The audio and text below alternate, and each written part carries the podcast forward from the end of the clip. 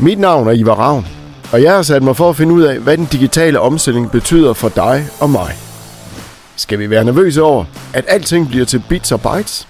Eller skal vi bare glæde os over fordelene ved den digitale tsunami, der ruller ind over vores samfund i de her år? Velkommen til Digitaliser eller Dø. Du lytter til en podcast fra Sikkes. I dag er jeg taget til Hillerød for at besøge Kim Vejlby Hansen, der er administrerende direktør i virksomheden FOS. FOS har i over 60 år lavet analyseinstrumenter, som bruges i landbrugs- og fødevareindustrien. For nyligt har firmaet sådan der meldt ud, at man nu vil investere en kvart milliard i en ny software-division. Det synes jeg er rigtig spændende. For hvad betyder det for en hardware-virksomhed som FOS, at man går så massivt ind på softwaremarkedet? Hvordan får man medarbejderne med på den digitale rejse? Og er Fosmund i virkeligheden i gang med at disrupte sig selv? Alt det håber jeg får svar på i dag. Så velkommen til Digitalisere eller Dø, Kim. Mange tak, og tak fordi jeg må være med. Det er Meget en meget stor glæde. Hvis vi nu lige lægger hårdt ud med en øh, temperaturmåling, sådan på en skala fra 1 til 10, hvor vil du sige, Fos ligger henne som digital virksomhed? Nu er det jo sådan, at øh, der er vel sådan lidt øh, forsigtighed i at sige, hvor, man, hvor god man er, eller hvor, hvor, hvor meget man lykkes med tingene. Men øh, jeg, jeg tror, jeg vil sige, at vi er nok på sådan en 7-8 stykker. Og det vil jeg sige ud fra den betragtning, at jeg synes rent faktisk, at vi har, vi har nået en masse. Vi er kommet et rigtig langt stykke af det, vi gerne ville. Men øh, der er rigtig meget tilbage. Både noget, vi vidste, at det, som vi havde planlagt, og som vi ikke har nået endnu, men rent faktisk også, fordi vi har lært en hel masse mere. Så vi synes, der er potentiale til meget mere. Så en 7-8 stykker det indikerer, at vi er godt på vej, og vi stadigvæk har rigtig store ambitioner for det, der er tilbage. Hvis vi så kigger lidt tilbage i nogle af grundene til, at de trods alt ligger højt, øh, hvad synes du, hvad er sådan de vigtigste øh, sejre, eller vigtigste ting, I lykkes med? det, det, I virkeligheden er det jo flere forskellige ting, og jeg tror også, når man snakker digitalisering, det kommer vi nok lidt tilbage til, hvad det så egentlig er. Men for, for mig er det, der måske sådan står øverst på, på listen over de trofæer, jeg synes, man kan sige, der er i den her forbindelse, det er jo, at vi mentalt har forandret vores måde at tænke på. Altså, vi er ligesom kommet over der, hvor vi ikke stiller spørgsmålstegn ved, skal vi lave de her nye former for ting? Kan det her addere noget til vores forretning? Men det tror vi faktisk på, og vi er i en proces, hvor vi i virkeligheden mere ser det som muligheder, og hvad kan vi gøre, øh, som vi ikke kunne før. Og hvad synes du så, I mangler? Hvad skal der til for at komme op på 10? Som du nævnte, vi har jo sat den her meget store satsning i gang. Der øh, forventer vi, altså vi, vi er jo ikke kommet ud med de produkter endnu, og der forventer vi os rigtig meget af. Vi har allerede, og- det var derfor, vi turde investere så mange penge, lavet en hel del, og er allerede ude med noget. Men nu, nu, nu giver vi den virkelig gas, og det er klart, at når det kommer ud i markedet, og det lykkes, så, synes jeg, så, så begynder vi at komme op af på en 9-10 stykker. Men man må nok sige, når det så er sagt, at som natur, så er jeg nok svær at stille tilfreds. Så jeg, jeg har det gerne sådan, at når jeg når op i nærheden af det, jeg synes, jeg var- skulle have nået, så begynder jeg straks at tænke over, hvad kunne vi nu gøre, der var, der var endnu bedre. Ikke? Så et tital er for mig mere end noget, jeg stræber efter, end jeg tror, jeg når. Og hvis vi nu lige skulle høre lidt mere om Fos, FOS er stiftet for mere end 60 år siden. Og øh, vi blev stiftet med udgangspunkt i en fugtmåler til korn, som dybest set kunne måle øh, fugtindholdet og med henblik på, om var det rigtige tidspunkt at høste. Og hvis man høst, havde noget korn på, øh, hvad det, man havde høstet, hvor meget skulle det så tørres. Og man bruger det så til at afregne, hvis at kornet var vådt, så, så får man selvfølgelig en lavere pris, og det giver jo sådan sig selv i de her energitider måske oven købet endnu mere. Men det, der var karakteristisk for den her lille bitte løsning, det var, at den var hurtig og nem at bruge og meget dedikeret. Der, det, det, man målte jo at på det tidspunkt allerede fugtindhold, men vi kunne gøre det på en anden måde, hvor vi gjorde det til hver mands eje. Jeg plejer at sige det på den måde, at det er Joe Bigfinger fra Production, som kan komme ind og trykke på en knap, få resultatet, og så kan det, det resultat, er kun det resultat, der skal bruges til den ene anvendelse. Der startede vi, og det gælder faktisk for alt det, vi laver i dag. Alle de løsninger, vi laver, har alle sammen den, det mål i sig, at de skal være nemme at bruge, de skal være fuldstændig dedikeret til en kvalitetsproduktionsløsning øh, eller setup, og de skal være øh, hvad hedder det nu, hurtige med, med resultatet. Fordi ellers kan man sende det til laboratorium, og der findes sådan forskellige andre muligheder. Men det, at man kan få noget hurtigt, det er, er vigtigt. Og den rejse har vi så været på, og vi har udvidet det til ud fra korn til mælk, til vin og til kød. Og øh, det er helt rigtigt, vi er markedsledende. og De, de stærkeste segmenter, der har vi over 90% markedsandel på verdensplan. Og i de, som vi synes er svage, der ligger vi måske på 70%. Øhm, så vi har en meget, meget stærk position. Vi er øh, familieejet og øh, har et meget stærkt værdisæt, øh, som, øh, som baserer sig egentlig på familiens ambitioner her. Og øh, noget af det, som der er virkelig vigtigt, det er innovation. Så vi bruger 10% af vores omsætning om året på produktudvikling. Og øh, kan jo sige, sådan forretningsmæssigt giver det også rigtig god øh, mening. For mange af de løsninger, vi laver, de bliver brugt i betalingssystemer osv. Så, så lige meget, hvor mange farvestrålende brosyrer vi laver, så køber man jo ikke en ny, hvis den virker. Med mindre, at vi laver noget, som gør, at man i sin betaling eller kvalitetskontrol kan få endnu mere ud af råvaren. Og derfor er innovation så enormt central.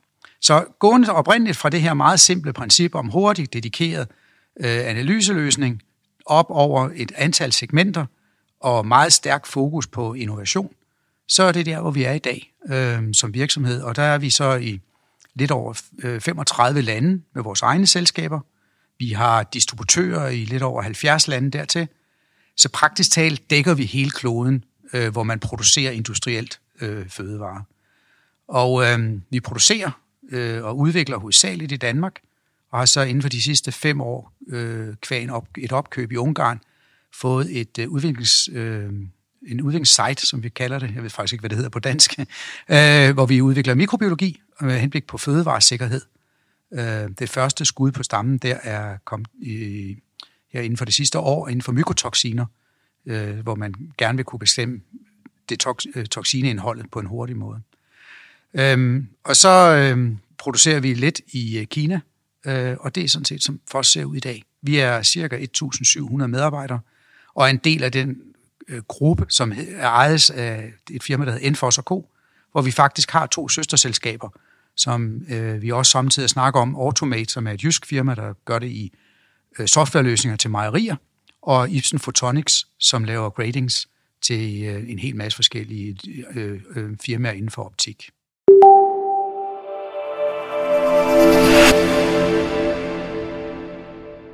Men Kim, jeg skal også høre noget om den her software-division, fordi I har jo meldt ud, at I nu stifter en software-division, I investerer en kvart milliard i at opbygge den. Øh, og det er jo sådan, i hvert fald som vi siger i Jylland, en øh, pæn slat penge.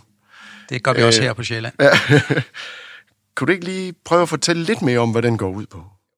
Jeg tror, det er ret vigtigt, hvis man må lige tage et skridt tilbage, når vi snakker digitalisering, også når vi snakker om det for os, så har vi egentlig tre spor.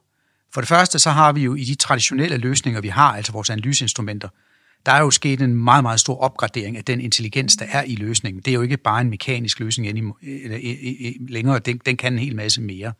Så har vi hele vores infrastruktur, den måde, vi er sammen med vores kunder på, på i webshop og øh, øh, hvad hedder det, netværksløsninger, som også er en digitaliseringsting. Og så har vi lagt det sidste nye spor på her, og det er så rene abonnementsbaserede løsninger, altså cloud services, det man også kalder SaaS, altså service as, software as a service løsninger. Det er et spor, vi har været ned af et stykke tid. Øhm, vi har helt tilbage faktisk, fra næsten firmaet startede, haft brug for at have forbindelse til vores instrumenter for at kalibrere dem.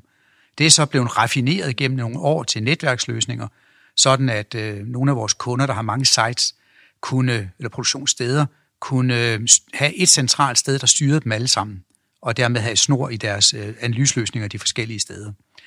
Og, øh, og det har vi kunne se et, øh, et voksende behov for, og, man, og måske også, hvad man kunne bruge det til. Ud over det, at bare at, at hvad hedder det, øh, have kontrol over sine løsninger forskellige steder.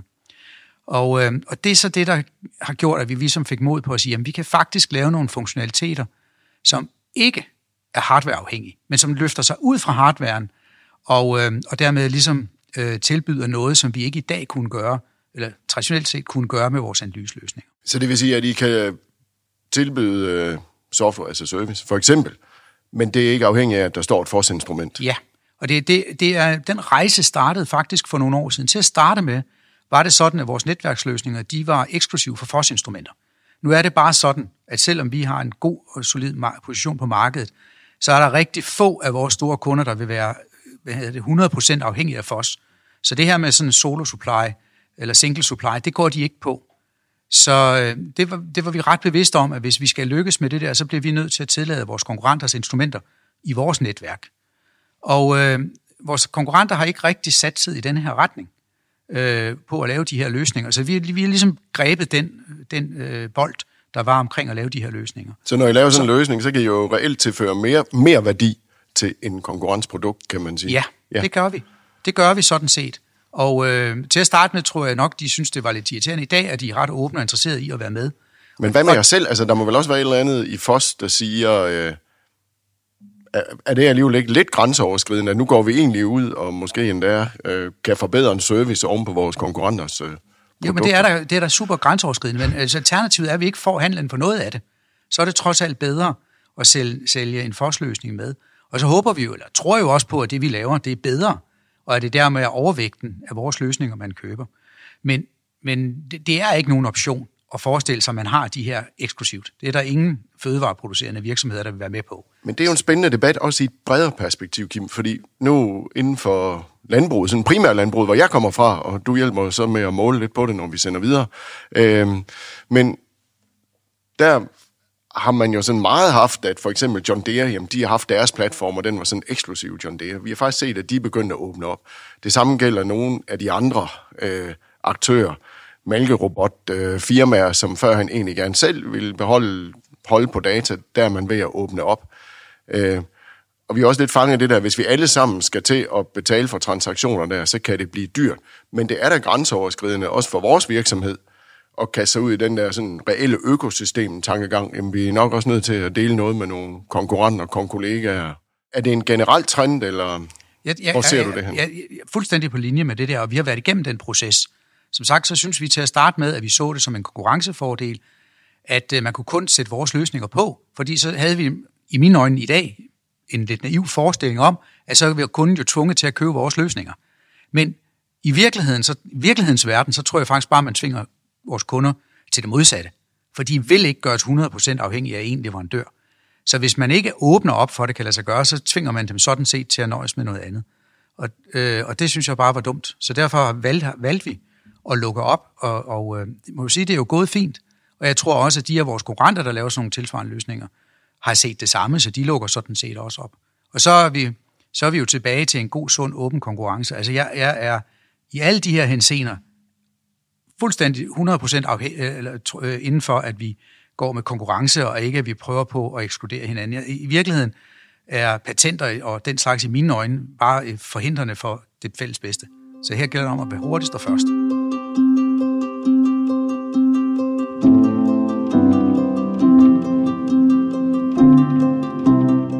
Har en stærk placering, sådan hardware-mæssigt på markedet, kan man sige, og det er selvfølgelig et godt afsæt for at bygge software ovenpå.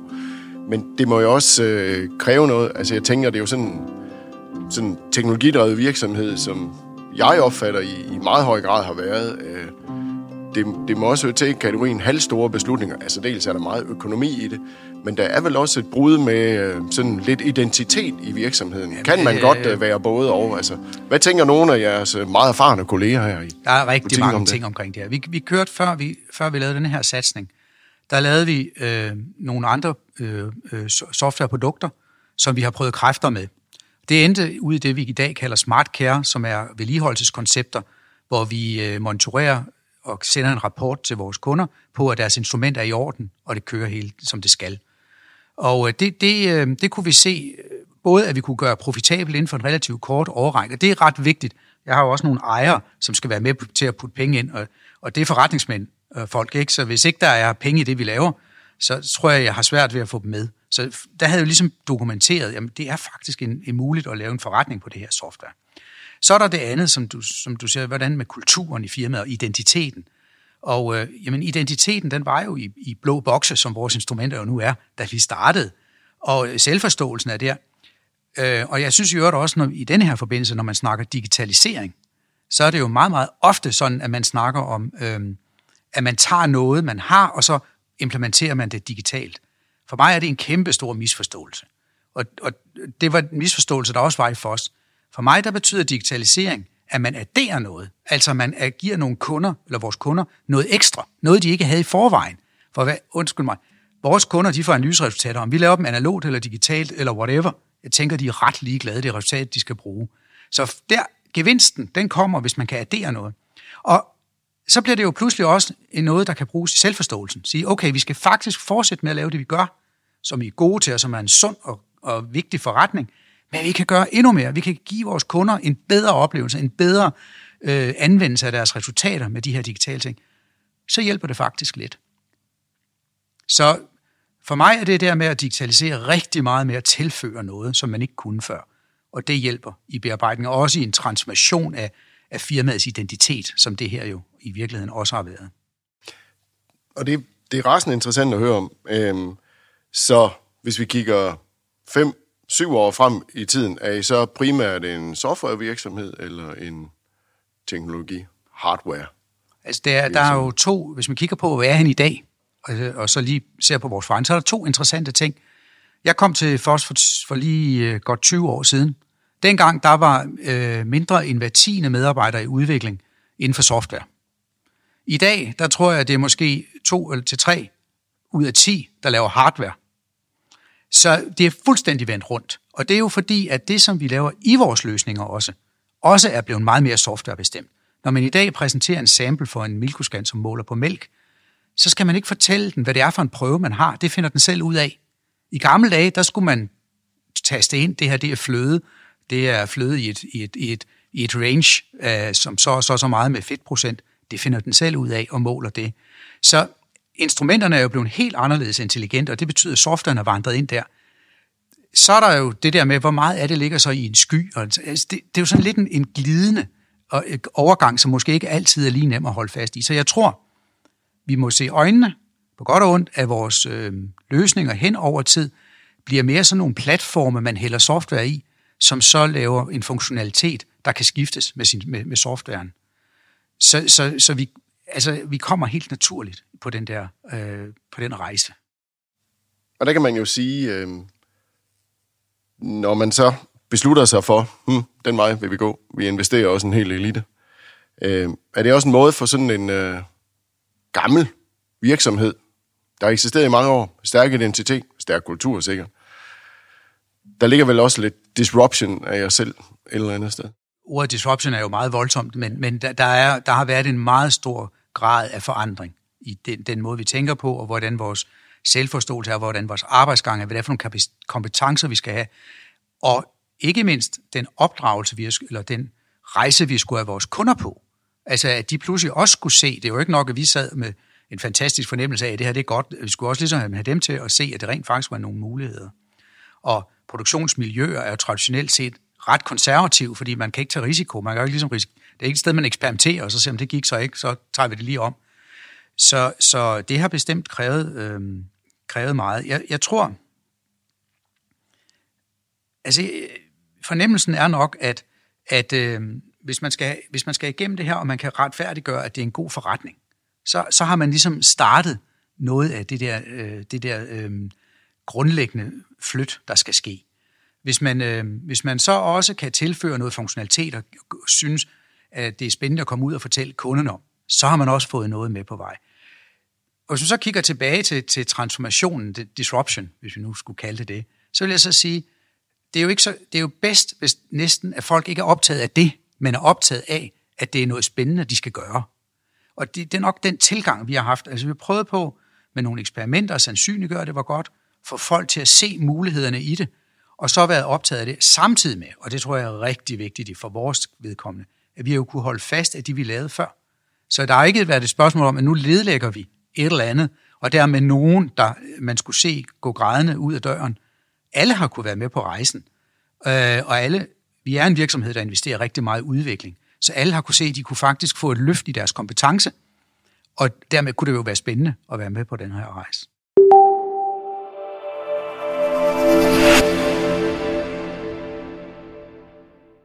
Hvad har jeg gjort i forhold til de der eksperimenter, du nævner?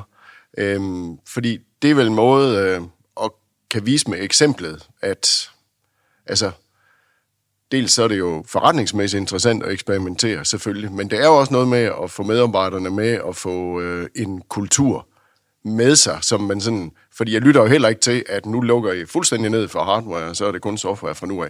Det er jo sådan en gradvis forskydning af vægtning, som ja, jeg det, I virkeligheden er det ikke engang en forskydning, fordi det har bare været sådan, at væksten har været i software, men hardwarefolkene er blevet i, i antal. Altså, øh, da jeg overtog udviklingsafdelingen, var de 70, i dag er de 350. Så altså, det er ikke, øh, vi har ikke skulle miste nogen på den der rejse. Men det er jo bare sådan, vi alle sammen, vi kan jo godt, vi kan jo godt øh, snakke, og vi kan jo blive forklaret noget ved en tavle, men når du ser noget, der virker, og du oplever nogle kunder, altså nogle demoer, når du ser nogle kunder respondere positivt på det, det er bare ret overbevisende, og det er bare med til at flytte folks øh, tanker om, hvad der kan lade sig gøre. Så for os har de her step, vi har været igennem, faktisk været rigtig vigtige. Nu nævnte jeg før det her SmartCare-koncept, som er et servicekoncept, hvor vi jo kunne gå ud og sige til vores kunder, nu skal I høre, I får mere, det koster mindre. Har I lyst til det? Det er sådan, indledningsvis, så, så det er de færreste kunder, der siger, det gider vi faktisk ikke høre om. Og, og det vil sige, at sælgerne har en stor succesoplevelse ud af det. Kunderne oplever også, hov for søren, det her det er faktisk rigtig godt, og vi har meget mindre nedetid i vores produktion og sådan noget. Og så bliver der altså et ret voldsomt træk. Det produkt, som bare for at nævne det, for at sætte det perspektiv, det, øh, det er det hurtigst voksende produkt nogensinde i FOS historien i forhold til penetration i markedet. Okay, det er med antal. Og så er det klart, så skal man være, virkelig være bagstræbrisk for at sætte sig ned øh, i gruppen og så sige, ved jeg synes, det er en rigtig dårlig idé. Det her skal vi ikke lave mere af. det gør man trods alt ikke. Men I må også have i sat det sådan øh, lidt systematisk, fordi at der er jo rigtig meget intern øh, ambassadørarbejde og inspiration her, ikke? Så, jo. så og I må jo have gjort noget for, at, øh, at mange skulle opdage, det her det virker faktisk. Altså, det, det, det, det har vi både skulle gøre internt og hos kunder, som jeg sagde. Og jeg kan måske bedst perspektivere det her i forhold til kunder. Da vi kom ud med nogle af vores øh, store netværksløsninger, så var der nogle af vores helt store internationale key accounts, som sagde, at øh, det ville de ikke bruge, fordi de havde ikke internet på i deres øh, produktionsmiljø, de havde kun intranet. Det er alligevel noget af et statement, når man nu tænker på, at det er en virksomhed, der har øh, produktionssite rundt i hele verden. Ikke? Og til alt held, så nåede min gode min mors opdragelse så lige at stoppe mig i at spørge ham, om han havde gravet kablerne ned selv hele verden. Ikke? Fordi det er jo ikke rigtigt. Og i øvrigt havde vi jo også set, at IT-chefen havde været ude og fortælle om, alle de cloud services, de kørte med Microsoft 365 og så videre. Og så der sad vi ligesom og tænkte, okay, hvordan får vi dem overbevist om det her? Så spurgte vi på et tidspunkt, kunne det ikke være en idé, om vi fik jeres IT-folk med til det her møde? Nogle jo vi normalt aldrig snakker med, når vi sælger en så snakker vi jo med, med en produktionschef og en kvalitetsdirektør. Eller chef. Så kom han med, og så var det jo pludselig alle sten, der var væk. Der var jo ingenting. Og, øh, og det er måske også lige værd i den forbindelse nævne, vi var den femte virksomhed i Danmark, som blev ISO 27001, altså øh, øh, cyber, cyber security certificeret. Det investerede vi rigtig mange penge i, fordi vi ville ikke ud og risikere, at vi på nogen måde kom til at lave hul i nogle sikkerhedssystemer. Så det var vi, har vi været rigtig, rigtig skarpe omkring. Men ved at have IT-folkene med, så var der pludselig nogle barriere, der, der smuttede ned. Og det tror jeg illustrerer meget godt det tilbage til spørgsmålet. Ikke? Altså det der med at overbevise de her eksperimenter og se det og, og komme afsted, det er også et spørgsmål om at få takket med de rigtige, og for de folk, som måske ikke har hele viden til at føle sig trygge i forhold til, at der er nogle andre, som rent faktisk ved noget om det her, og som er deres kolleger, som de stoler på, der siger det her øh, til dem. Det tror jeg er en rigtig vigtig pointe, fordi nu, øh, den her podcast handler jo rigtig meget om digital transformation, og øh, vil det øh, medføre, at nu skal vi alle sammen ikke lave ret meget, fordi alting bliver digitaliseret og automatiseret, og nogen siger så, jamen der er lige så mange jobs øh, længere ude, øh, som der er i dag, men de er nogle andre. Så hvordan får vi dem med, øh, der er på vognen i dag? Øh, og der synes jeg, det er virkelig interessant at, at høre, at jeres tilgang med eksperimentere, vis det. Jeg var øh, startede min ingeniørkarriere øh, i Oticon, som er inden for høreapparater. Og øh, jeg, har en, øh, jeg er jo en civilingeniør fra DTU, og jeg havde øh, beskæftiget mig med digital signalprocessering. Øh, og var, da jeg kom til Oticon, der lavede man øh, høreapparater, gammeldags tykfilm og tyndfilm og alt sådan noget analog elektronik. Og jeg var totalt optaget af, at vi skulle lave dem digitale. Og øh, fordi jeg synes, det var så smart, jeg, og jeg elskede jo teknologien. Men øh, det var et ret hierarkisk foretagende, så jeg kunne ikke få lov at komme til at tale med udviklingsdirektøren på det tidspunkt. Så jeg ventede bare, for han havde sådan en, en dame, eller en sekretær siddende i en sluse ind til hans kontor. Så jeg ventede bare til hun var gået, og så mosede jeg ind og øh, forsøgte at overbevise ham om det der. Og han, var, han har nu givet mig noget af den bedste læring nogensinde. Jeg var grøn ingeniør, men, men jeg har aldrig glemt det der. Han var enormt tålmodig og lyttede og argumenterede og så videre. Men så siger han så, jeg synes også, det lyder meget spændende. Men kunne vi ikke være enige om, at hvis vi skal lave digitale høreapparater, så skal de hørehæmmede opdage, hvorfor vi gør det. Fordi jeg var jo bare optaget af at lave det, man kunne med en ny digital teknik, fordi at det var smart produktionsmæssigt og bla bla bla, alle mulige fine ting. Og det er jo det, det hele drejer sig om. Der er jo ingen grund til at disrupte, der er ingen grund til at lave ny teknologi, hvis ikke dem, der skal bruge det, får en oplevelse eller en forbedring ud af det. Det er rigtigt. Og hvis man, hvis man har knækket det, Det er en god pointe. og hvis man har fået det igennem, så er det godt nok svært i en organisation at stille sig på bagbenene og sige, vi vil faktisk ikke være med til at bringe den her virksomhed fremad på det, som kan give mere værdi og mere forretning. Så det, det, det er et meget, meget simpelt greb, men hvis ikke det giver noget for kunderne, så lad være. Hvis det giver noget for kunderne, så er det godt nok svært at stille sig op imod. Og så er vi lidt tilbage til sådan værdigrundlaget for FOS her også, fordi øh, vi er rigtig mange ingeniører her, og der er, vi, altså, jeg tror, jeg tror, de kunne opfinde hvad som helst. Vi laver aldrig noget, uden at der er en kunde med, og uden der er et kundeproblem først. Så det der med, at teknologi søger problem, den vil vi ikke ned af for nogen som helst måde.